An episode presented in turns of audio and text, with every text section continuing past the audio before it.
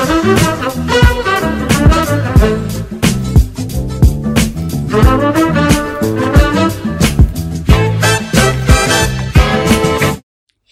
datang di Leni Podcast, ngobrol lebih dekat tentang gaya hidup sehat. Di edisi spesial Ramadan kali ini, mari kita kenali lebih dekat seputar puasa dan manfaatnya bagi kesehatan. Halo teman sehat, kembali lagi bersama saya Suci. Pada lini podcast yang lalu, kita telah membahas bahwa puasa juga bermanfaat untuk detoksifikasi tubuh atau menghilangkan racun-racun dalam tubuh. Nah, kalau teman sehat penasaran bagaimana pembahasannya, teman sehat bisa cek di lini podcast episode yang lalu. Nah, pada hari ini kita akan berbincang tentang betulkah puasa optimalkan imunitas. Nah, sejak pandemi ini nih, kata imunitas itu makin populer. Untuk mencegah berbagai macam penyakit, infeksi, kita perlu meningkatkan imunitas tubuh kita. Katanya puasa juga merupakan salah satu cara untuk meningkatkan imun tubuh. Bener gak sih? Bagaimana ya caranya? Nah, seperti episode sebelumnya, kita akan temukan jawabannya dari narasumber yang sangat sudah tidak asing lagi, yaitu Guru Besar Ilmu Gizi FEMA IPB University dan juga Ketua Umum Pergizi Pangan Indonesia. Halo Prof. Hardin, apa kabar? Ya, apa kabar? Baik, Alhamdulillah. Gimana Suci hari ini? Wah, saya masih semangat nih Prof. Semangat Mantap. puasanya. Iya, Prof. Hardin sendiri bagaimana? Alhamdulillah. Alhamdulillah. Nah, Prof, eh, sebelum kita kaitkan puasa dengan imunitas nih, Prof, eh, bagaimana sih, Prof, cara mengoptimalkan imunitas tubuh kita? Kalau cara mengoptimalkan imunitas banyak sekali ya. Bisa lebih dari 10 item nih. Salah satunya memang terbukti akhir-akhir ini melalui cara berpuasa. Kalau secara umum ya makan tentunya yang bergizi, terutama salah satunya sumber-sumber asam aminoprotein ya karena itu pembentuk dari uh, sel-sel imunitas. Kemudian ada vitamin C, vitamin A, vitamin D, ada zat besi, ada zinc ya, ada magnesium. Uh, yang semua itu kalau kita makan secara gizi seimbang, ada lauk pauknya, sayurnya, buahnya, kemudian uh, lauk pauknya itu akan akan terpenuhi ya. Nah, detailnya bisa konsultasi lah berapa jumlah dan sebagainya. Tapi karena interestnya sekarang tentang puasa, ya, jadi eh, ketika puasa kita mengalami apa tidak makan dan minum selama kurang lebih 12 jam, 14 jam tergantung lokasi bahkan juga bisa belasan jam sampai 20 jam. Maka eh, di dalam tubuh kita setelah beberapa hari itu kembali pada topik yang lalu pernah kita bicarakan. Ingat nggak otofagi? Iya, ingat sekali, Prof. ingat ya Nah, otofagi ya. Untuk memakan ini ya, ya sel-sel aktif sudah kita ya dengan fagosom dari memakan yang sel-sel yang lansia. Nah ternyata di dalam eh, ilmu mikrobiologi ya dan juga eh, ilmu imunitas juga dikenal ada namanya senofagi senofagi. Jadi kalau tadi otofagi, ini senofagi. Jadi seno itu artinya asing, fagi ya sama dengan eh, di otofagi. Fagi itu artinya memakan. Jadi artinya memakan benda-benda asing. Hmm. Nah, ketika kita bicara imunitas, kenapa kita terganggu imunitas kita? Karena ada benda-benda asing yang masuk. Ya, benda asing itu bisa akhirnya jadi patogen ya. Bisa juga tadinya belum jadi patogen ya. Tergantung bagaimana eh, persaingan ya, peperangan antara komponen imunitas kita dengan eh, patogen zat yang asing tadi masuk. Nah, jadi di dalam kondisi puasa ini proses senofagi ini meningkat. Hmm. Sama dengan kalau tadi dengan autofagi, autofagi meningkat, ini senofagi juga meningkat. Artinya apa?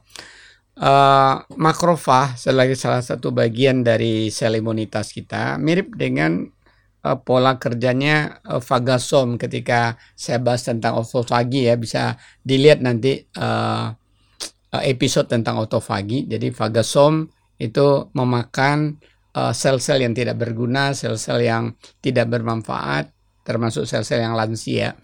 Nah, senofagi eh, tadi makrofag kita me- memakan ya eh, patogen dan eh, kemudian dihancurkan juga dengan cara mirip dengan eh, lisosom ya yang tadi udah kita bicarakan bukan tadi di episode Episode autofagi iya. ya. Jadi uh, itu salah satu uh, jalan kenapa puasa ketika sudah beberapa hari yang memungkinkan otofagi paralel juga memungkinkan terjadinya senofagi ya. Bagaimana menghancurkan menangkap menghancurkan uh, berbagai uh, zat asing termasuk di sana patogen. Bisa dia bersifat bakteri tidak baik bisa dia bersifat virus yang tidak baik buat buat tubuh.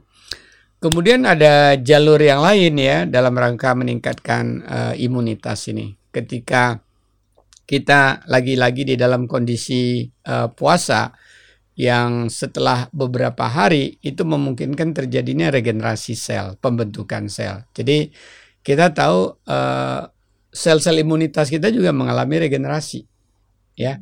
Nah, jadi regenerasi sel-sel imunitas atau komponen imunitasnya juga terjadi, ya, berbarengan dengan proses regenerasi sel secara keseluruhan ketika terjadinya puasa dalam ya biasanya kalau puasa tadi minimum 14 jam sehari dan itu telah berlangsung mulai 3 4 hari.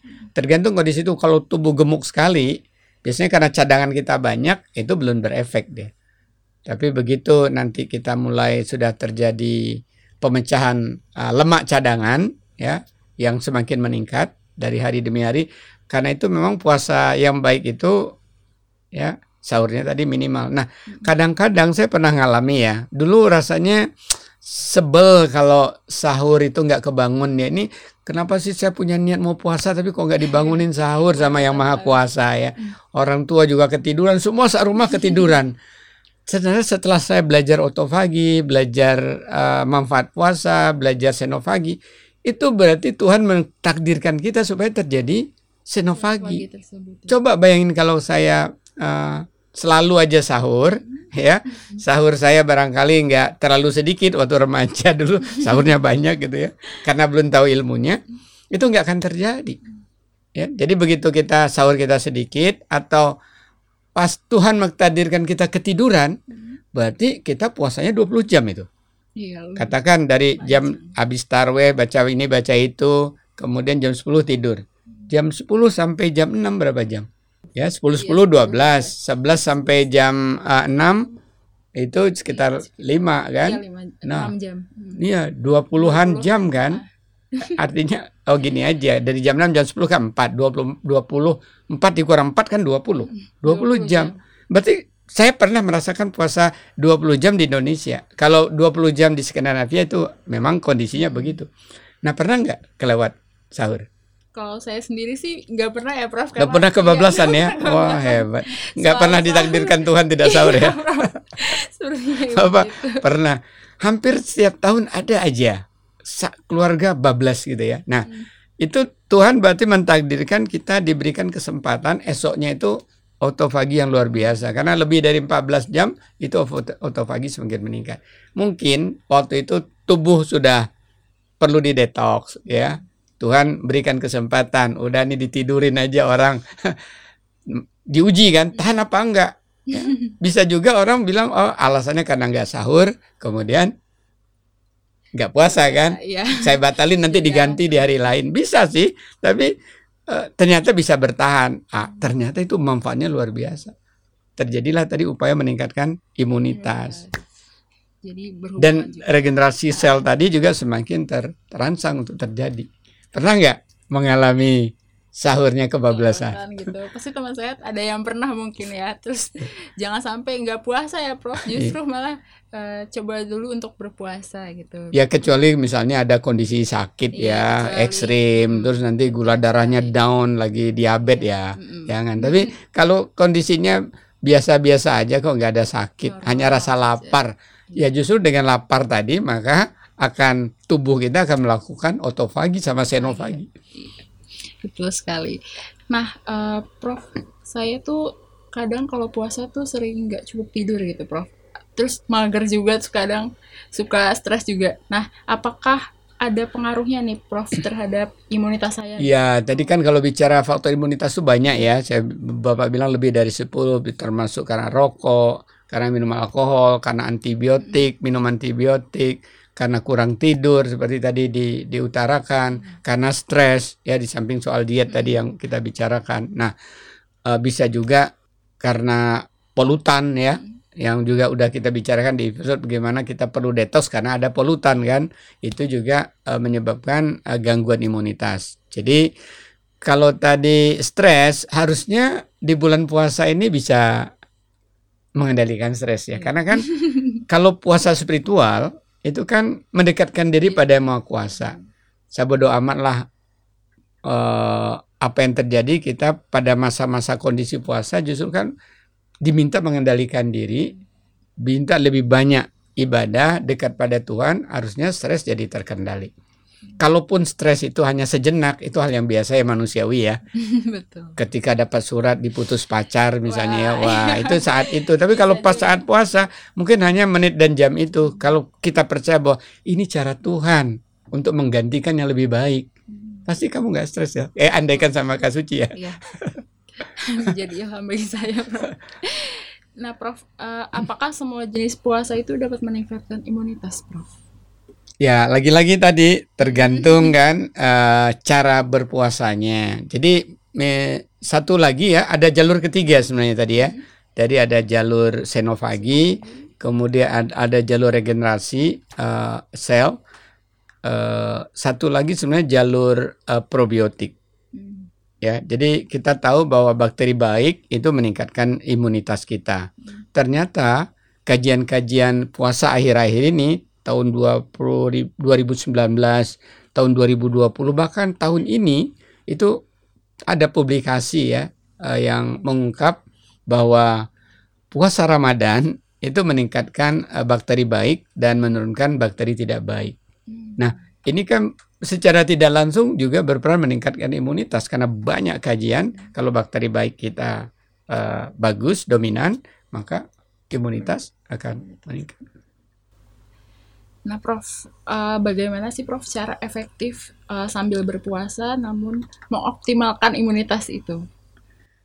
Ya, Seperti sahur atau ya pertama karena tadi kalau kita jalur senofagi eh, itu kan berarti eh, sama dengan autofagi. Perlu beberapa hari puasa nggak bisa hanya satu dua hari puasa dan perlu diawali disertai dengan defisit kalori ya yang saya katakan sekitar 200 sampai 500 kilokalori dan itu paling mudah ketika di dalam sahur Hmm. karena memang kita suddenly bangun jam 3 ya Mm-mm. eh, dan memang nggak kebiasaan kita makan jam 3 itu memang nggak nggak bisa harusnya kita makan banyak kecuali orang yang nafsu banget gitu ya Ya. Betul. ya nah itu memungkinkan kita jadi syaratnya berhentilah sebelum kenyang dan sebaiknya minum air makan sahur kemudian minum lagi air karena kalau kita makan sahurnya duluan nggak minum khawatir minumnya nanti nggak Iya, kebagian tempat betul. gitu ya iya Jadi itu ya, Prof. Tipsnya ya, Prof. Kalau Jadi ada ter- harus terjadi beberapa hari dan itulah keunikan puasa Ramadan memberikan kita sampai 29 30 hari. jadi terjadi pada saat puasa yang panjang ya, Prof. Maksudnya terus menerus gitu, Prof. Ya maksudnya juga nggak terus sebenarnya hari ketiga hari keempat Hari sudah mulai mulai eh, terjadi ya bahkan optimumnya sekitar tujuh hari. Pertama itu sudah kalau tadi kita tidak makan berlebihan ya, Hmm. tidak makan banyak. Jadi sahur Apalagi pada masa itu kita dapat kebablasan beberapa kali oleh Tuhan ya. Iya. Betul. Tapi kalaupun sahurnya sedikit, berbukanya juga jangan terlalu banyak juga ya, Prof. Maksudnya jangan Ya tertib berbuka juga demikian sebenarnya. Tapi kan eh, namanya berbuka itu kan snack bukan makan malam. Nah memang eh, saya secara personal juga nganjurkan makan malam itu harus dipisah dengan berbuka. Kayaknya ada topik tersendiri deh ya Iya, tentang betul, cara betul berbuka yang sehat ya. Jadi berbuka dengan malam itu sebaiknya diberi jeda bisa setengah jam ya kalau mau satu jam juga nggak nggak masalah. ya, Jangan disatukan gitu. Karena itu mendadak gula darah kita meningkat ya. Jadi teman sehat kalau yang mau kepo tentang gimana sih caranya berbuka puasa bisa cek di Lini Podcast episode eh, bagaimana cara berbuka puasa yang baik ya. Nah, uh, baik, terima kasih banyak Prof. Hardin atas bincang-bincangnya kali ini yeah. Iya. uh, terkait puasa dan imunitas. Terima kasih juga kepada teman sehat yang setia menonton episode ini dari awal hingga akhir. Jangan lupa untuk saksikan terus Lini Podcast setiap hari tayang selama Ramadan di eksklusif di channel YouTube Lini Sehat dan juga Spotify Lini Sehat. Tetap jaga kesehatan dan terapkan protokol kesehatan di mana pun teman sehat berada. Stay safe dan stay healthy. Sampai jumpa di Leni Podcast selanjutnya dengan topik yaitu puasa rampingkan lingkar perut.